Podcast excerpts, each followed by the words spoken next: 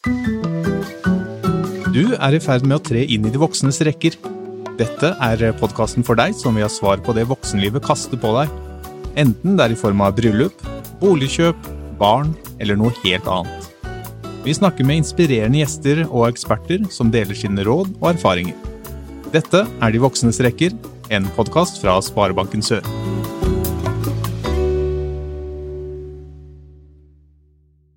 Trening, et eh, ord som de fleste har et forhold til, enten på godt eller vondt. Trening, det er hardt og tungt. Trening er gøy, motiverende og nødvendig, og trening kommer i mange ulike former og kan være spenstig. Trening kommer også godt med når det gjelder økonomi. Trening er noe alle trenger, si. Dette skal ikke være en episode om rim, men du skjønner kanskje hva denne podkasten skal handle om, nemlig trening. Du undrer deg kanskje litt hvorfor en bank skal snakke om det å svette og komme seg i form, men vi tror at trening kan ha noe godt for deg og din personlige økonomi. Men før vi går inn på dette, så vil jeg ønske deg som lytter velkommen, og ikke minst ønske velkommen til Kenneth og våre to gjester i dag, Ida Soi Salvesen og Vegard Aasgrav. Hjertelig velkommen skal dere være. Mange takk. Så Kenneth, hva er ditt eh, forhold til trening? Det er litt kjedelig at du spør meg akkurat det i dag, Morten, for jeg føler jeg er inne i en veldig dårlig treningsperiode. Du vet, jeg er jo gammel fotballspiller, har spilt fotball i 25 år og vært vant til å forholde meg til faste treningstider hvor folk står og venter på meg. Av naturlige årsaker, når man drar seg mot 40, så, så er jeg ikke så aktiv på den fronten lenger. Og da kan det være tungt å finne andre alternativer. Å få en gammel fotballspiller til å trekke på seg joggeskoa, f.eks., det, det kan være vanskelig. Så jeg har egentlig et håp om at jeg kan få litt hjelp i dag ut av de gjestene vi har med oss. Ja, og våre to gjester, kan ikke dere fortelle litt om uh, dere selv, Ida? Ja, jeg er jo din kollega her i banken da, Morten. Det er du. Ja, Og for så vidt deg, Kenneth. Uh, jeg jobber hovedsakelig som finansiell rådgiver i banken. Sitter på kontoret i Porsgrunn. Og det jeg regelrett gjør, er jo at jeg rådgir da kundene mine i alle ulike forskjellige livsfaser innenfor dette med personlig økonomi. Eh, og det gjelder jo da hovedsakelig, kan man jo si, produktene. Lån, typisk sparing, forsikring osv. Men eh, jeg vil jo si at hovedjobben min er jo ja, det å inspirere og motivere kundene mine til å på en måte etablere gode rutiner i forhold til personlig økonomi. Og gjennomføre de planene de har satt seg, da. Rett og slett for å få en best mulig økonomisk situasjon. Eh, og så er jeg kollega med fjerdemann som sitter i rommet her i dag. Vegard, ja. Yes. yes. Jeg har eh, ved siden av en eh, tilleggsjobb hvor jeg er gruppetreningsinstruktør på Sprek fritid her i byen. Og der gjennomfører jeg en del løpetimer eller ellers gruppetrening i ulike former. Innenfor styrke, kall det med eller uten koordinasjon.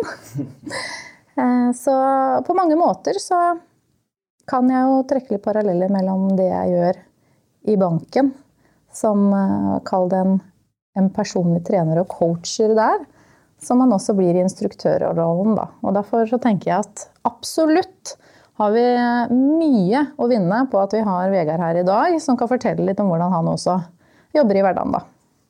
Yes. Ja, Vegard heter jeg, og jeg jobber da som personlig trener på Sprek fritid.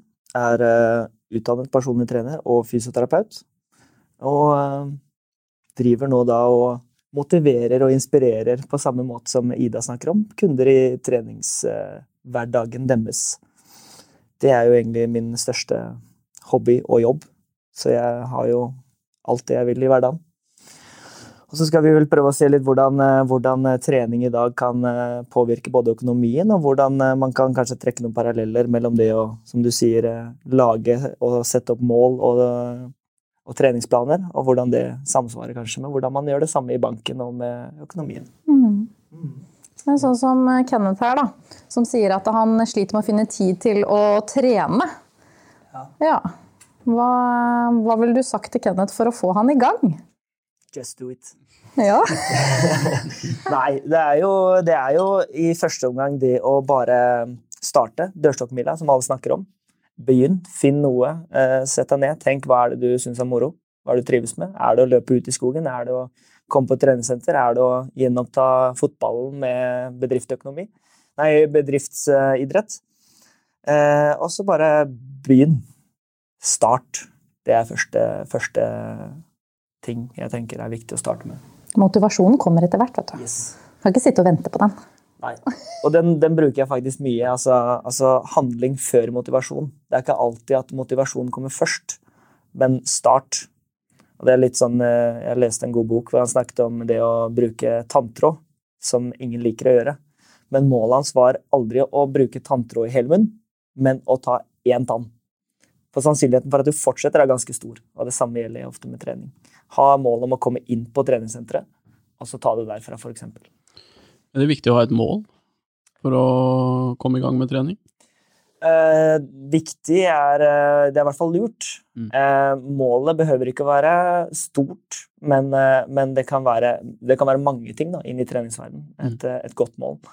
Og eh, for en som deg, så ville jeg kanskje tenkt det Noe jeg bruker mye, er det vi kaller for, kaller for et kontinuitetsmål, f.eks. At du skal klare å trene én til to ganger i uka. da det er første målet ditt. Mm. Ikke at du skal løfte så mye eller løpe så fort, men at du bare skal møte opp og gjennomføre. Jeg, jeg, lurer på en ting, jeg. For man eh, hører jo at trening er jo bra for kropp og sinn. At man eh, får det litt lettere, kanskje mentalt også, på sikt.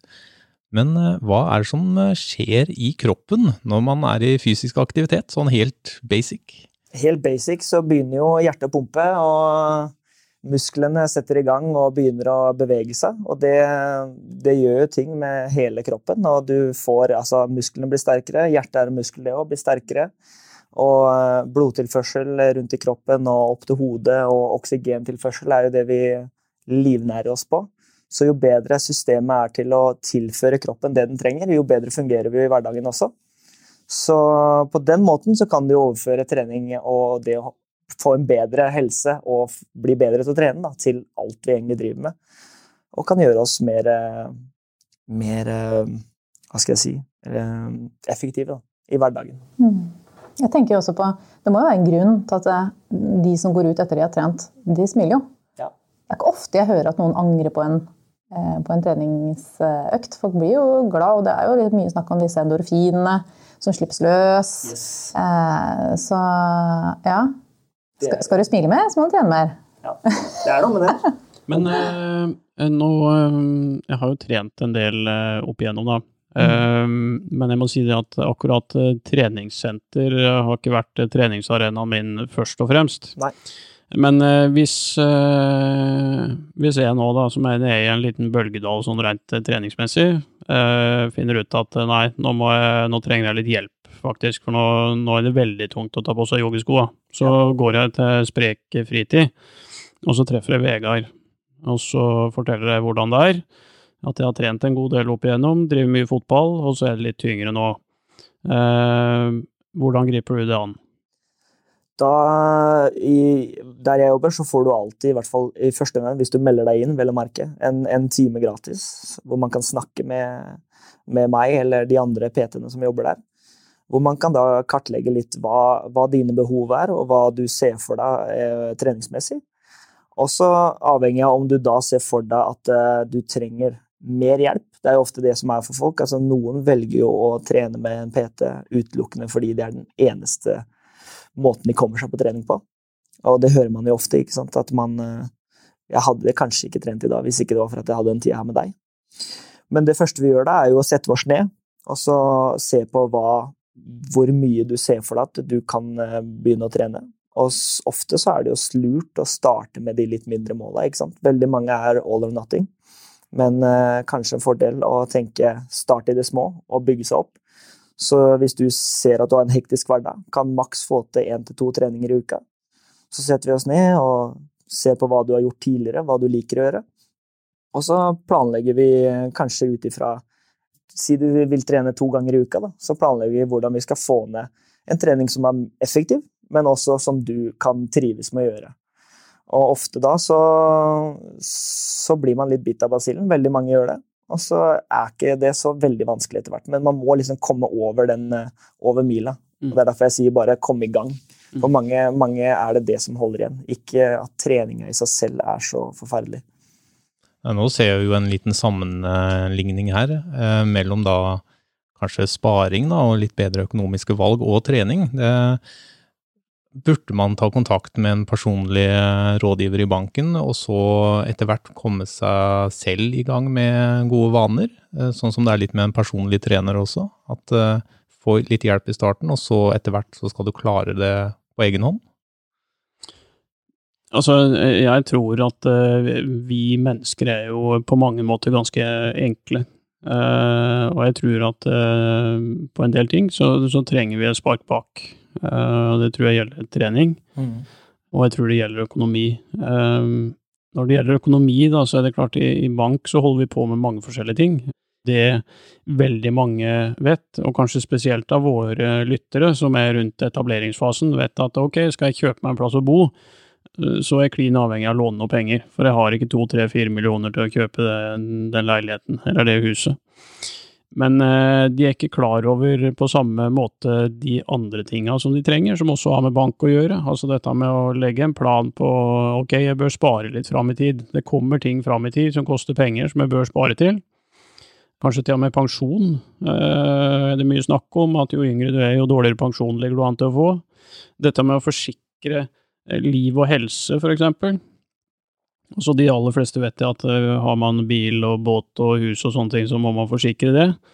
Men det som kanskje er enda viktigere å forsikre, det er liv og helse. Altså hvis ikke du kan jobbe lenger, så, så taper du inntekt. og har du kjøpt hus sammen, og den ene faller fra, f.eks., så, så er det utrolig greit uh, å ha en forsikring som gjør at ikke økonomien nå skal skape problemer. Og der, uh, der tror jeg veldig, veldig mange trenger et spark bak, også der. Mm. Dette tror jeg sikkert at du kan utfylle enda mer på, Ida, som sitter i en sånn rådgiverposisjon i det daglige. Ja, det er jo noe med det. Og nå sitter jo på en måte vi her med, som kall det eksperter på to ulike fag. Eh, men kundene våre, medlemmene våre, de er jo ikke eksperter. Og det er jo ofte derfor de også kommer til oss. Eh, og det er jo litt viktig å poengtere det. altså Alle de tingene du snakker om nå, det er kanskje fremmedord for mange av de som uh, hører på. Og det å på en måte senke litt den der garden og bare OK, folkens. Uh, her handler det bare om å komme i gang, lære underveis. Uh, for vi blir jo tryggere når vi har kommet i gang. og så Du har jo kunder som har kanskje noen har jo litt kortsiktige mål. SK21, det begynner å bli litt dårlig tid. Eh, men ikke sant, sommerkroppen, noen konkrete mål. her. rumpa skal hit, dit må datten. Eh, mens andre igjen Nei, jeg må gjøre en livsstilsendring. Jeg har hjerte- og karsykdommer i familien. Eh, jeg må ned i fettprosent. Ikke sant? Og så har du kanskje trevarianten, som var litt meg for en stund tilbake. Jeg må ha overskudd og energi til å hva skal jeg si, leke med ungene mine når jeg kommer hjem fra jobb. Jeg må ha energi til å gi like mye av meg selv som jeg gjør til kundene fra 8 til 4, må jeg ha til å gi til resten av familien fra klokken 04.30 til 21.30, som er legget hos oss. Og da har jeg tenkt mye gjennom det der, fordi det er mange, mange, har mål, og noen er kanskje litt flaue for det, andre ikke. Jeg opplever Når kunder kommer inn i banken, så er det noen som konkrete og kortsiktige mål. Jeg vil kjøpe meg hus, leilighet, til neste år, eksempelvis. Eller par, par år fram i tid. Eller Eh, nei, jeg skal, ville veldig gjerne kjøpe ut en familiehytte fra mine søsken x antall fram i tid. Du nevnte litt om pensjon i stad. Eh, jeg syns jo pensjon er kjempespennende. Jeg slår ikke helt an i sosiale lag på å si det. Men, eh, men, det som på en måte sammenfallende litt her, gjelder jo det at vi har jo, vi har jo noen behov vi ønsker å nå. Og hvordan skal vi nå målene, og hva slags rolle har vi? Og det, jeg som på en måte tilbringer også mye tid nede hos dere, ser jo hvordan dere konkretiserer målene med kunden. Ikke sant? Dette er noe du ønsker, og det er så og så langt fram i tid. Ok, hvordan skal vi oppnå det? Og da setter man seg ned og lager rett og slett en gjennomførbar plan. Og for deg, Kenneth, ikke sant? du er, eh, har den, den stillingen du har i banken farter en del, har mye å gjøre. Familieliv, to gutter ved siden av, ikke sant? Hvordan skal du skvise inn det? Og da er det utrolig deilig å bare ha noen som kan dette her, som legger en plan. Og så må man jo teste det litt underveis, ikke sant. Hvis han nære godeste Kenneth der hadde jo at han skulle få hva skal jeg si, superkroppen sommeren 2022, da, for å si det sånn. Da må du legge en plan. Ok, vi må drive med vekt, vi må lage en program. Og så, hva vil rollen din være videre? Jo, det vil jo være å, å følge opp underveis. Være den motivatoren. Og det er jo litt sånn vi sitter med kundene våre, ikke sant? Vi vet jo på en måte hva som skal til på en måte for å ha en forutsigbar økonomi. Ikke sant? At det, hva er å ha en god økonomi? Jo, det er jo å ha oversikt. Eh, ikke sant? Så du kan si at du, du bygger selvtillit med dine kunder. Eh, jeg bygger økonomisk selvtillit for mine kunder. Så vi, legger, vi setter oss mål. Vi lager rett og slett planer. Eh, hvordan skal du spare opp den egenkapitalen til det huset? Hvordan skal du omstrukturere på eh, økonomien din eh, for å kjøpe ut de andre arvingene i forhold til familiehytta. Da. Hvordan nedbetale, hvordan spare. Og så kommer man litt inn på sidelinja. Man blir litt den der personen i rådgiveren eller personlige treneren som sier litt om ok, hei, hei, hvor ligger vi i løypa? Eh, men selvfølgelig, det er som alt annet. Du kommer ikke i form av å ligge på sofaen, altså. Du gjør ikke det. Og du får heller ikke mer ut av økonomien din eh, hvis ikke du tar et lite spark bak og liksom får litt oversikt. Og så tenker mange at åh, ja, men økonomi Jeg kan ikke så mye om det. Hvor mye lærte vi egentlig på skolen? Ikke sant? Veldig individuelt hva vi har i bagasjen fra foreldrene våre. Eh, og hvor mye lyst har vi? Eh, så det er jo et par faktorer som peker inn. Men samme er med dette her med å komme i form. da. Jeg har kjempelyst til å komme i form, men jeg liker ikke å bevege meg. Ikke sant? Da må du gi avkall på, på et eller annet, da. Eh, men, men, genuint, det og det jobber jeg i hvert fall mye med der jeg er nå. Eh, ja, selvfølgelig lån, altså de her melk- og brødproduktene, men det å sitte ned og eh, lage en plan for noen mål for kundene som engasjerer de da. At ok, nå er renta lav, hvordan skal du nedbetale kontra å spare? Hvilke produkter har vi? Nei, du trenger ikke å være aksjemegler for å spare i fond. Det er litt sånn kom i gang, snakk med oss, og så skal jeg være hun derre kall det engelen eller jævelen, som sitter på hver sin side her, som eh, ja, følger deg litt, eh, litt, opp på det. Og jeg syns det er veldig gøy når jeg er nede på treningssenteret og jeg ser hvordan du jobber med, med kundene dine, og hvordan du på en måte ja, er den som pusher ved siden av. Mm. Men mm. den personlige treneren er kanskje enda litt tettere på, litt tettere oppfølging enn det du har som ja. personlig rådgiver. Det er ikke sånn at du henger på flere ah, dager i uka? Ja, nei, altså hvis jeg hadde stått på utsida av soveromsvinduene til eh, hva skal jeg si, Kari Nordmann og banka på og lurt på om de hadde satt av de pengene til buffer nå, så tror jeg Det gjør ikke jeg heller, da. Nei, nei det er bra, da. Jeg står ikke ute av vinduet. Men det er, jo, eh, det er, jo, heldigvis eh, gratis å ringe for rådgivning i banken, men det koster jo litt grann å ha en eh, personlig trener. Og det er, kan jo være noen som er i etableringsfasen som ikke har så god råd, men som vet at de burde komme seg litt mer i aktivitet. Hva vil dere som er mye på treningsstudio og kan dette her, si til den personen som liker å ligge på sofaen og se på Dr. Pimple Popper på TLC? Um, Kjenner du han, eller? Ja, det, programmet her har jeg aldri hørt om, Martin. det, det, det, er en kompis. ja, ok, greit. Nei, altså, jeg tenker jo som alt annet, så er det en prioritering. Det koster litt grann å være medlem, og det koster litt, eh, litt mer å ha en personlig trener. Og så må man se på behovet, og man må sikkert som alt annet en, uh, ha en oversikt over hvor mye har vi, hvor mye kan vi bruke, og hvor stor investering ser det. Så kan man si at det er dyrt eller billig å trene, men, men uh, alt handler jo om verdien i det du investerer i. Mm. noe er dyrt eller billig. Um, så når det kommer til trening, så må man jo ikke ha en personlig trener for å starte. Vi har mange fantastiske gruppetimer, som f.eks. Ida holder, jeg holder selv, og mange andre dyktige, så man kan starte der. Og det er helt gratis, eller medlemsavgifta, mm. Eh, så får man alle gruppetimer. Så det er en mulighet. Men hvis man ser at man har noen helt spesifikke mål, så må man jo ta og se på sin egen økonomi og ta en beregning på om du har råd til å sette av de pengene i måneden eh, for å investere i din egen helse. Og da pleier jeg jo å si at det er jo Det høres jo ut som et salgstriks, og det er jo alt man gjør, men, eh, men at det, den perioden du investerer, er ikke kun den tida du legger ned pengene. Du investerer faktisk en del lærdom i det å trene riktig, noe du forhåpentligvis skal gjøre også resten av livet. Så få med deg lærdom som du kan tilføre treninga, og ha kvalitet i treninga resten av livet, vil jeg jo si er en, eh, en god investering. Mm, absolutt. Ja, Alt handler jo om dette her med prioritering, da. Det er jo, altså, du kan si at du jobber jo med livsstilsendringer hos folk, mm. ikke sant? Eh, og da, som du sier, du må få oversikt over ok, skal de bruke penger på deg, så må du finne ut av hva de bruker penger på. Og jeg utfordrer jo eh, en del av kundene om det samme hos meg. At først så må man jo faktisk få eh, litt oversikt. Skal man f.eks. få til det her med, med sparing, da, så må man jo få en oversikt over hva er det jeg bruker penger på. Hva konkret eh, og jeg, jeg, og jeg, tror at den største konkurrenten mot det å få til å spare, for det er det veldig mange som ønsker. ikke sant? Jeg vil komme i bedre form, jeg skal spare mer penger.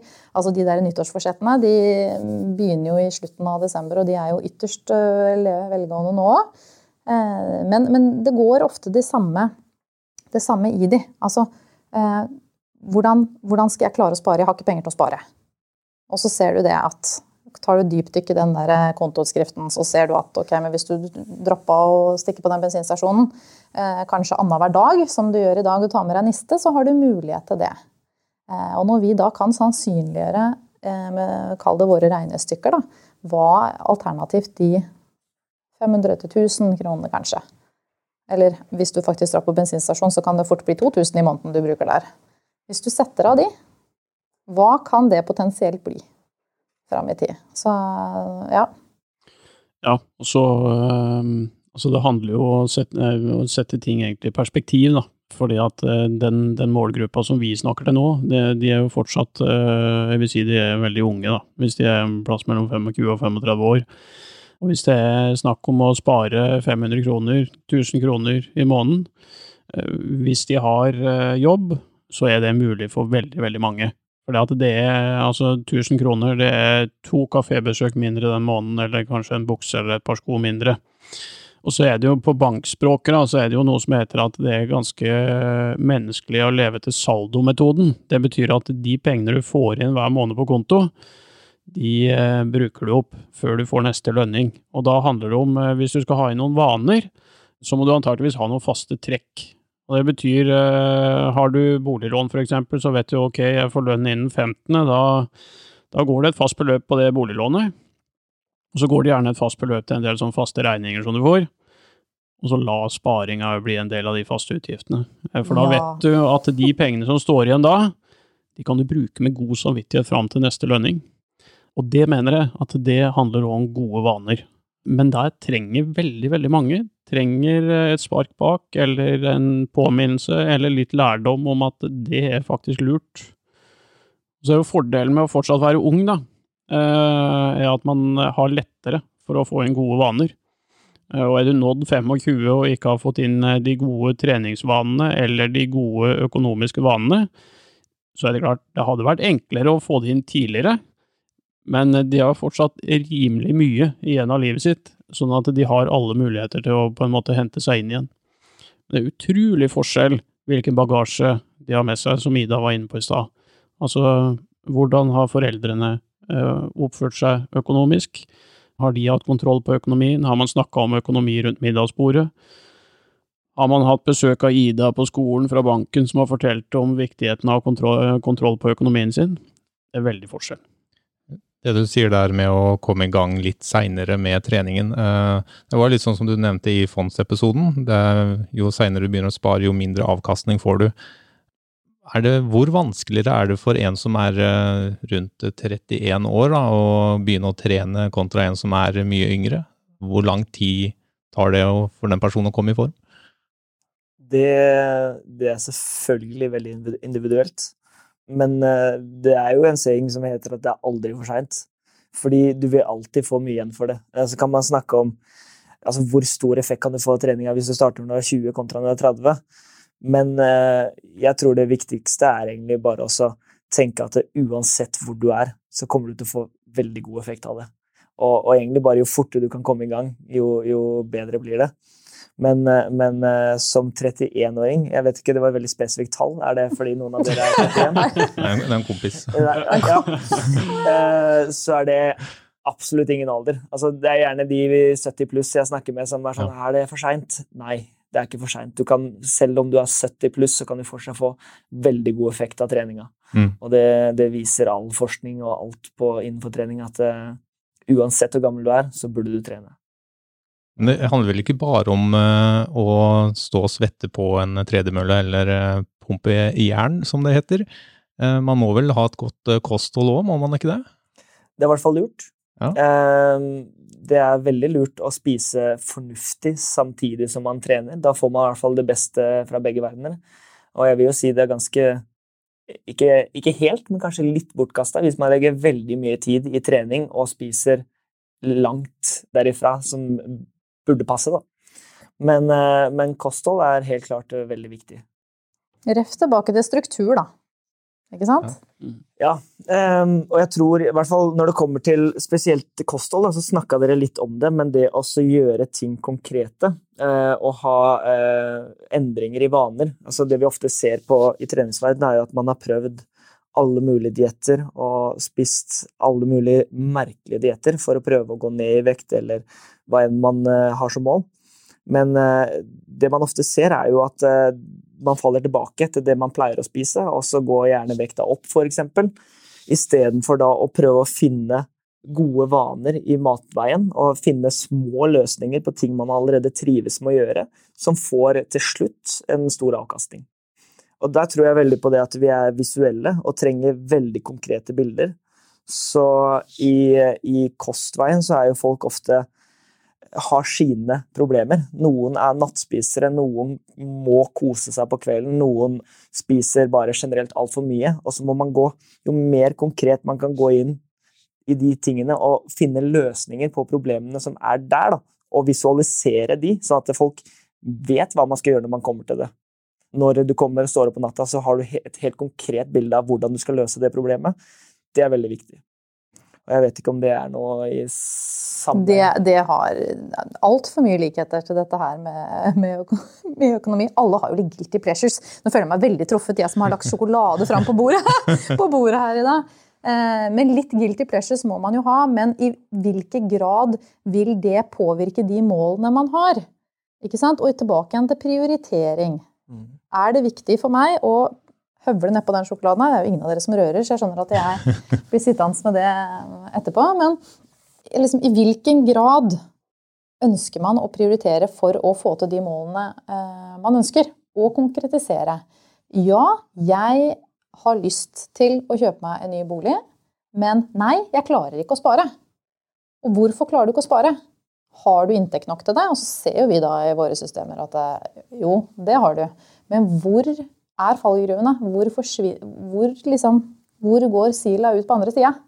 Og så er det å finne løsninger for å tette det. Og så tilbake igjen, dette her er jo livsstilsendringer. Hos deg er det kanskje fysisk, men parallelt her, så alt handler om det mentale. Eh, vi ønsker en bedret, en, en bedret enten det er fysisk form eller en bedret økonomi. Men hvordan nå det, da? Hvordan i hverdagen få litt hjelp til det? Eh, og jeg tenker at ja, du kan selvfølgelig sette deg ned og, og, og, lese det opp, men vi har jo en hektisk hverdag. Ta rett og slett kontakt, da, sånn som med deg. Kom på treningssenteret, si at ja, jeg vil komme i form. Eller hør med meg som rådgiver. Bare ok, men hvordan kan jeg optimalisere litt? Jeg har litt lyst til det og det. Jeg skjønner ikke helt hvordan naboen kan få til det. Og så kan jo ikke jeg si at ja, men naboen han har vært kunde hos meg nå i ti år og er dritstrukturert. Men, eh, men jeg kan hjelpe folk i gang, og ut fra det utgangspunktet du har, så er dette fullt oppnåelig. Men jeg sier bare litt om ja, men det er din jobb, for jeg var på sofaen, og faktisk sette i gang. Så tenker jeg litt den, Det er jo en spesiell, spesiell tid vi lever i, eh, med denne pandemitida. Mange har jo faktisk bedre økonomi i dag enn det de hadde før pandemitida. Altså gitt at man har jobben sin intakt, man reiser mindre, det er mindre å bruke penger på. I tillegg, for de som har lån, så har det aldri vært så lave renter som det det er på låna i dag. Eh, sånn at jeg eh, pleier å si litt flåsete at de som ikke har mulighet til å spare i dag, de eh, får kanskje aldri mulighet til å spare. Og det er jo sånn hvis, de deg, hvis en kunde kommer til deg, Ida, og spør om et boliglån, så ser jo du på økonomien til vedkommende, og du skal vite at den kunden skal klare å betale på det lånet i dag, men kunden skal også klare å betale på det lånet fram i tid hvis renta er gått opp faktisk inntil 5 prosentpoeng. Sånn at, eh, Og hva gjør de med de pengene? Veldig mange, altfor mange vil jeg mene, da, med sånn privatøkonomiske briller, bruker de pengene. Altså de går til forbruk isteden, for å sette av noe. Og hvis man trekker en parallell til trening i den tida vi lever i, så er det veldig mange som har bedre tid i dag enn i, altså utenfor pandemitida. Altså mange reiser mindre, mange sitter på hjemmekontor. Uh, så jeg mener at det argumentet med at nei, det er så himla hektisk, jeg får ikke tid til å sette av en time til trening to ganger i løpet av uka, eller tre ganger i løpet av uka, det faller på steingrunn. Det, ikke, det får eh, de aller, aller fleste til. Så, så, jeg tenker at det er litt sånn der knytta til den pandemitida vi lever i. Mm. At uh, for mange så er det faktisk både bedre muligheter til å få en sunn økonomi, og også få en uh, treninga på plass og få en sunn helse. Og så tenkte, tenkte jeg jo, nå blir det mye fra meg, da, men eh, nå hadde jeg en god tanke, så jeg må ta det mens jeg har det friskt i minnet.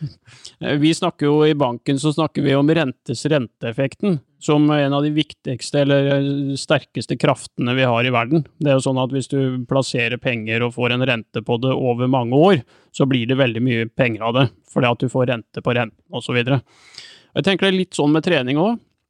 Ja. Altså hvis du, hvis du, går på trening, eh, så tror jeg det, det, er de første ukene, hvis du starter fra scratch, da. Altså for å si det, jeg følte jeg kom litt skeivt ut her, jeg er ikke på scratch, altså. Men, men, for den som er på scratch, så er det sånn at de første ukene da er blytunge. Ja. Fordi at du kjenner at den er jo overhodet ikke i form. Men etter hvert som den ballen begynner å rulle, så blir det jo òg gøyere å trene. For ja. du, du, kjenner effekten, og søren, nå begynner det å bli i bedre form her. Mm. Det, det, kjenner jeg jo igjen fra fotballbanen nå, det der med å spille en uh, fotballkamp når du må ta det på rutinen og ikke på den formen du har i dag. Mm. Det blir tungt. Og en fotballbane, Morten, den er vanvittig lang og brei.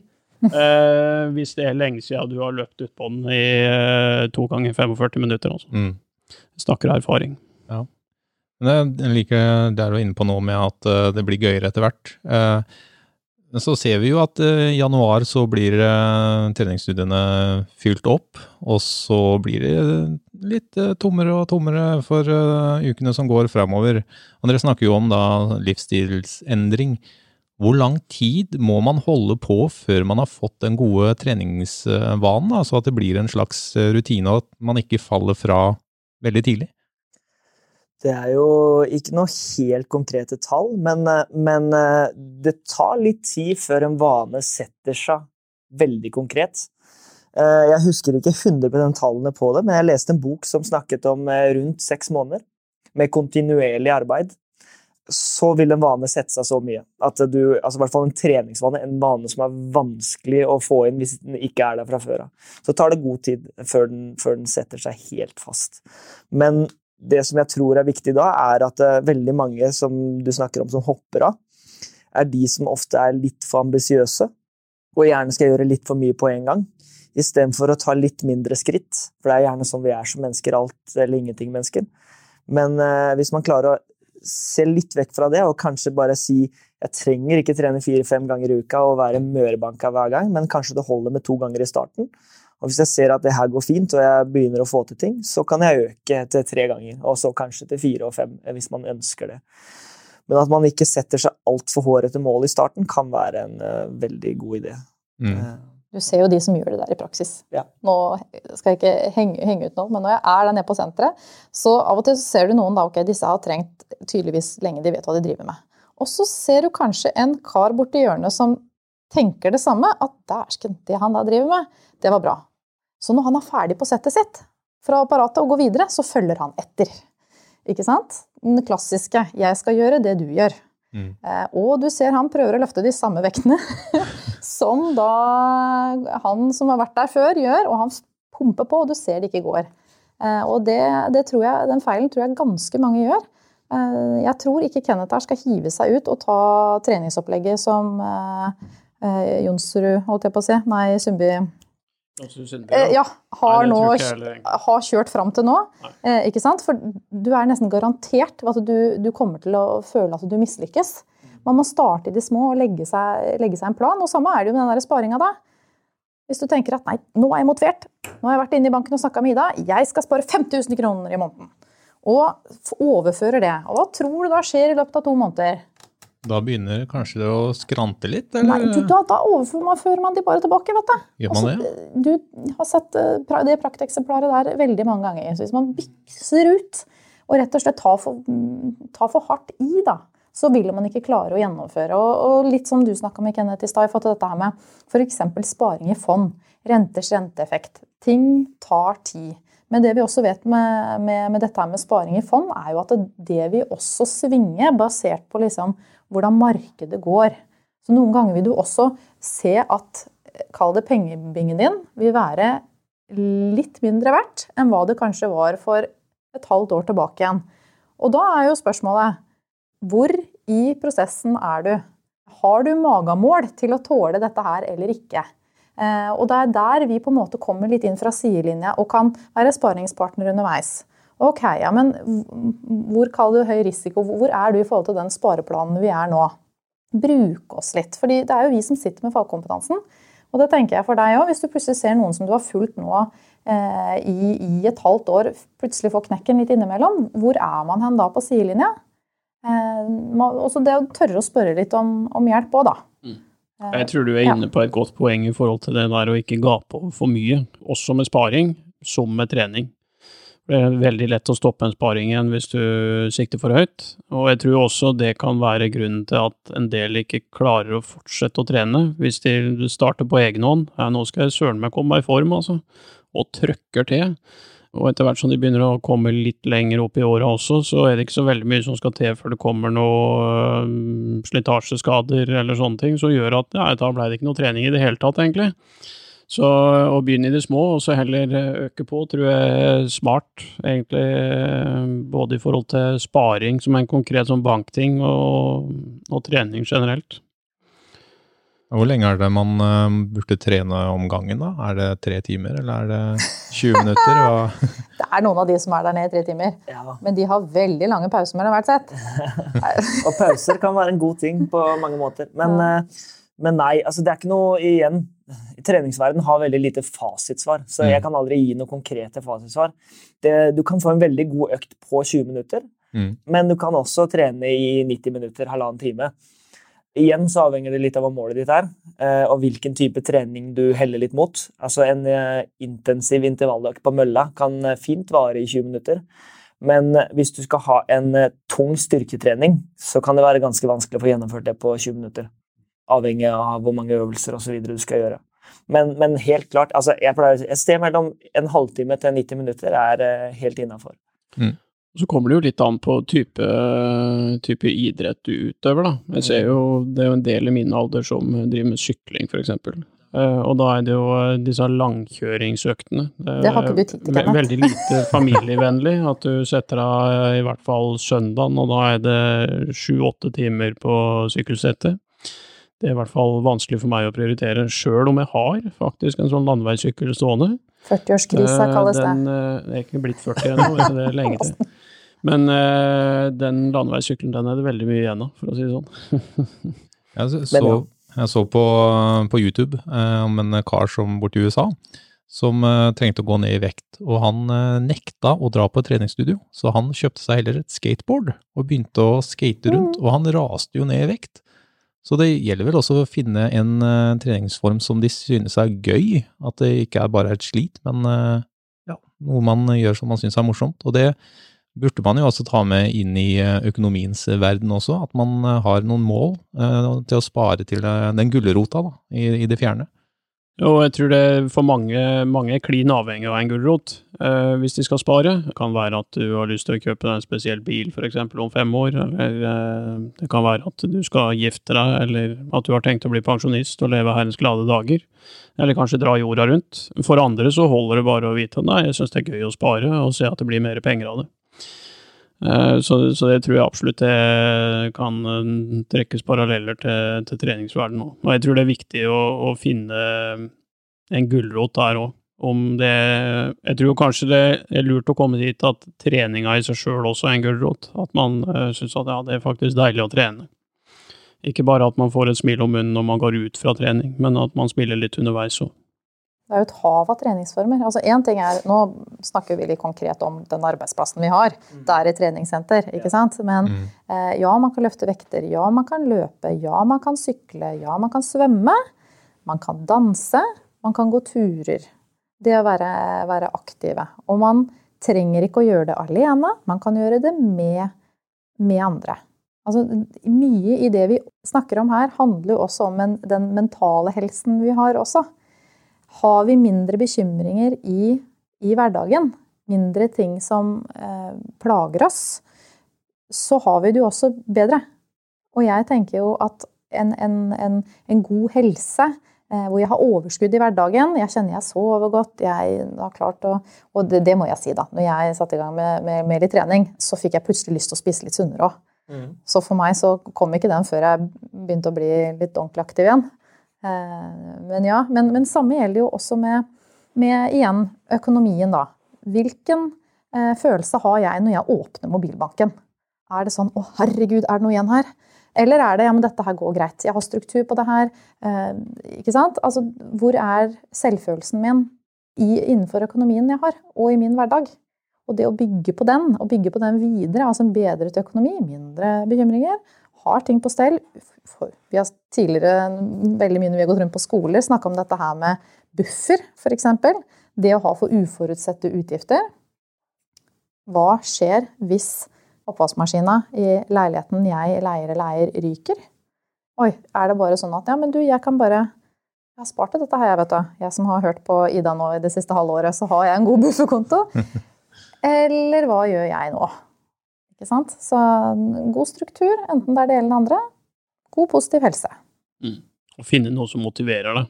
Uh, I forhold til trening, da, så er det klart det, Dere kjenner godt til treningssenterhverdagen uh, som, som treningsform. For meg så er det egentlig, når det gjelder trening, tre viktige faktorer. Jeg har jo en jobb hvor jeg er stort sett inne fra åtte til fire. Så for meg er det fint å få frisk luft som en del av treninga. Og så er det det sosiale. Eh, jeg syns det er ålreit å treffe folk som ikke treffer på dagtid eh, når jeg trener. Og ikke minst eh, det å komme i bedre form. Så for meg så har det jo som sagt vært fotball, og ellers så er det gjerne enten sykle, løpe, eller på den årstida her gå på ski. Det passer for meg, og det er ikke sikkert passer for Morten, så det gjelder å finne sin form. Og la seg inspirere, og motivere av, av andre. Mm. Selv så var det lockdown. Ok, what to do? Mm. Hjemmekontor med en uh, tre og et halvt åring og en uh, snart seksåring. Det som er en liten pause da, blei i hverdagen, var det å ut og få seg en liten løptur. Det begynte med to-tre kilometer. Jeg trodde jeg skulle daue, for, for, å si det på den måten. Og det etter hvert økte. Jeg Fikk med meg en kompis. Vi endte opp til slutt med å være fire, med god koronaavstand, da. ikke sant? Løp to og to i bredden og ja. Men da fikk vi til å løpe en fem kilometer tre ganger i uka, da. Og det blei også det lille sosiale vi fikk. Eh, utenom koronanyheter og, og, og, alt som var. Og det var en, en god avbrekk i hverdagen. Og så selvfølgelig kom jo kneika. Jeg husker det nesten på dagen. Det var ikke langt unna et halvt år. skjønner du? Det var, det var så festet at du nevnte det i stad når man føler et snev av normalitet igjen, så forsvant det litt igjen. Eh, men har klart å bite fast i det, altså. Og opprettholdt den gode vanen. Og jeg må si det koster. Og det vil det gjøre hvis du skal sette i gang med sparingen og velger å ha et lite fast trekk på noen, noen slumper i måneden. Så, så det koster. Men eh, minst så deilig det er å se tilbake nå nesten gått et år, og at man har klart å opprettholde det. For det trodde jeg ikke når vi var i februar i 2020. Og så skal man selvfølgelig fortsette med det, da. Så Morten, jeg er spent på dine Du har ikke snakka så mye om hvor aktiv du har vært. Nei, men Får du litt press? nei, nei. Det, det, kommer seg. Det kommer seg. Ja. Jeg glemte å spørre deg, Vegard, i starten. Hvor mye tar du i benk? Å nei. Nei, jeg- Akkurat nå så vet jeg faktisk ikke. Jeg, jeg, jeg trener ikke benk, og det er et ærlig svar. Men eh, ikke altfor lite i forhold til hvor mye jeg trener, er det jeg pleier å si. Jeg trener mye styrke, men eh, jeg har aldri vært veldig sterk. Eh, relativt til hva jeg anser. Noen vil sikkert si jeg er sterk, og andre vil si at jeg ikke er sterk. Så, men eh, men eh, 100 kilo pluss et eller annet sted. Det, for meg så er det veldig imponerende. Og Don't skip leg day. day er det det da? nei, det gjør jeg heller ikke. nei, don't skip eh, leg day. Eh, Det, jeg syns det var fin, eh, nesten en fin avslutning, for eh, man må komme seg opp på beina og begynne å gå ut i eh, litt ukjente former, både når det gjelder sparing og det å trene. Så med det så vil jeg takke Vegard og Ida og Kenneth for at dere ville stille i denne episoden her. Så håper jeg du som lytta på blei ble motivert til å komme deg opp av sofaen, eller eh, fortsette med dine gode vaner som du helt sikkert har. Tusen takk. Selv Takk for oss. Du hørte nå på De voksnes rekker, en podkast fra Sparebanken Sør. Er det noen temaer eller noe annet du lurer på når det gjelder å tre inn i de voksnes rekker?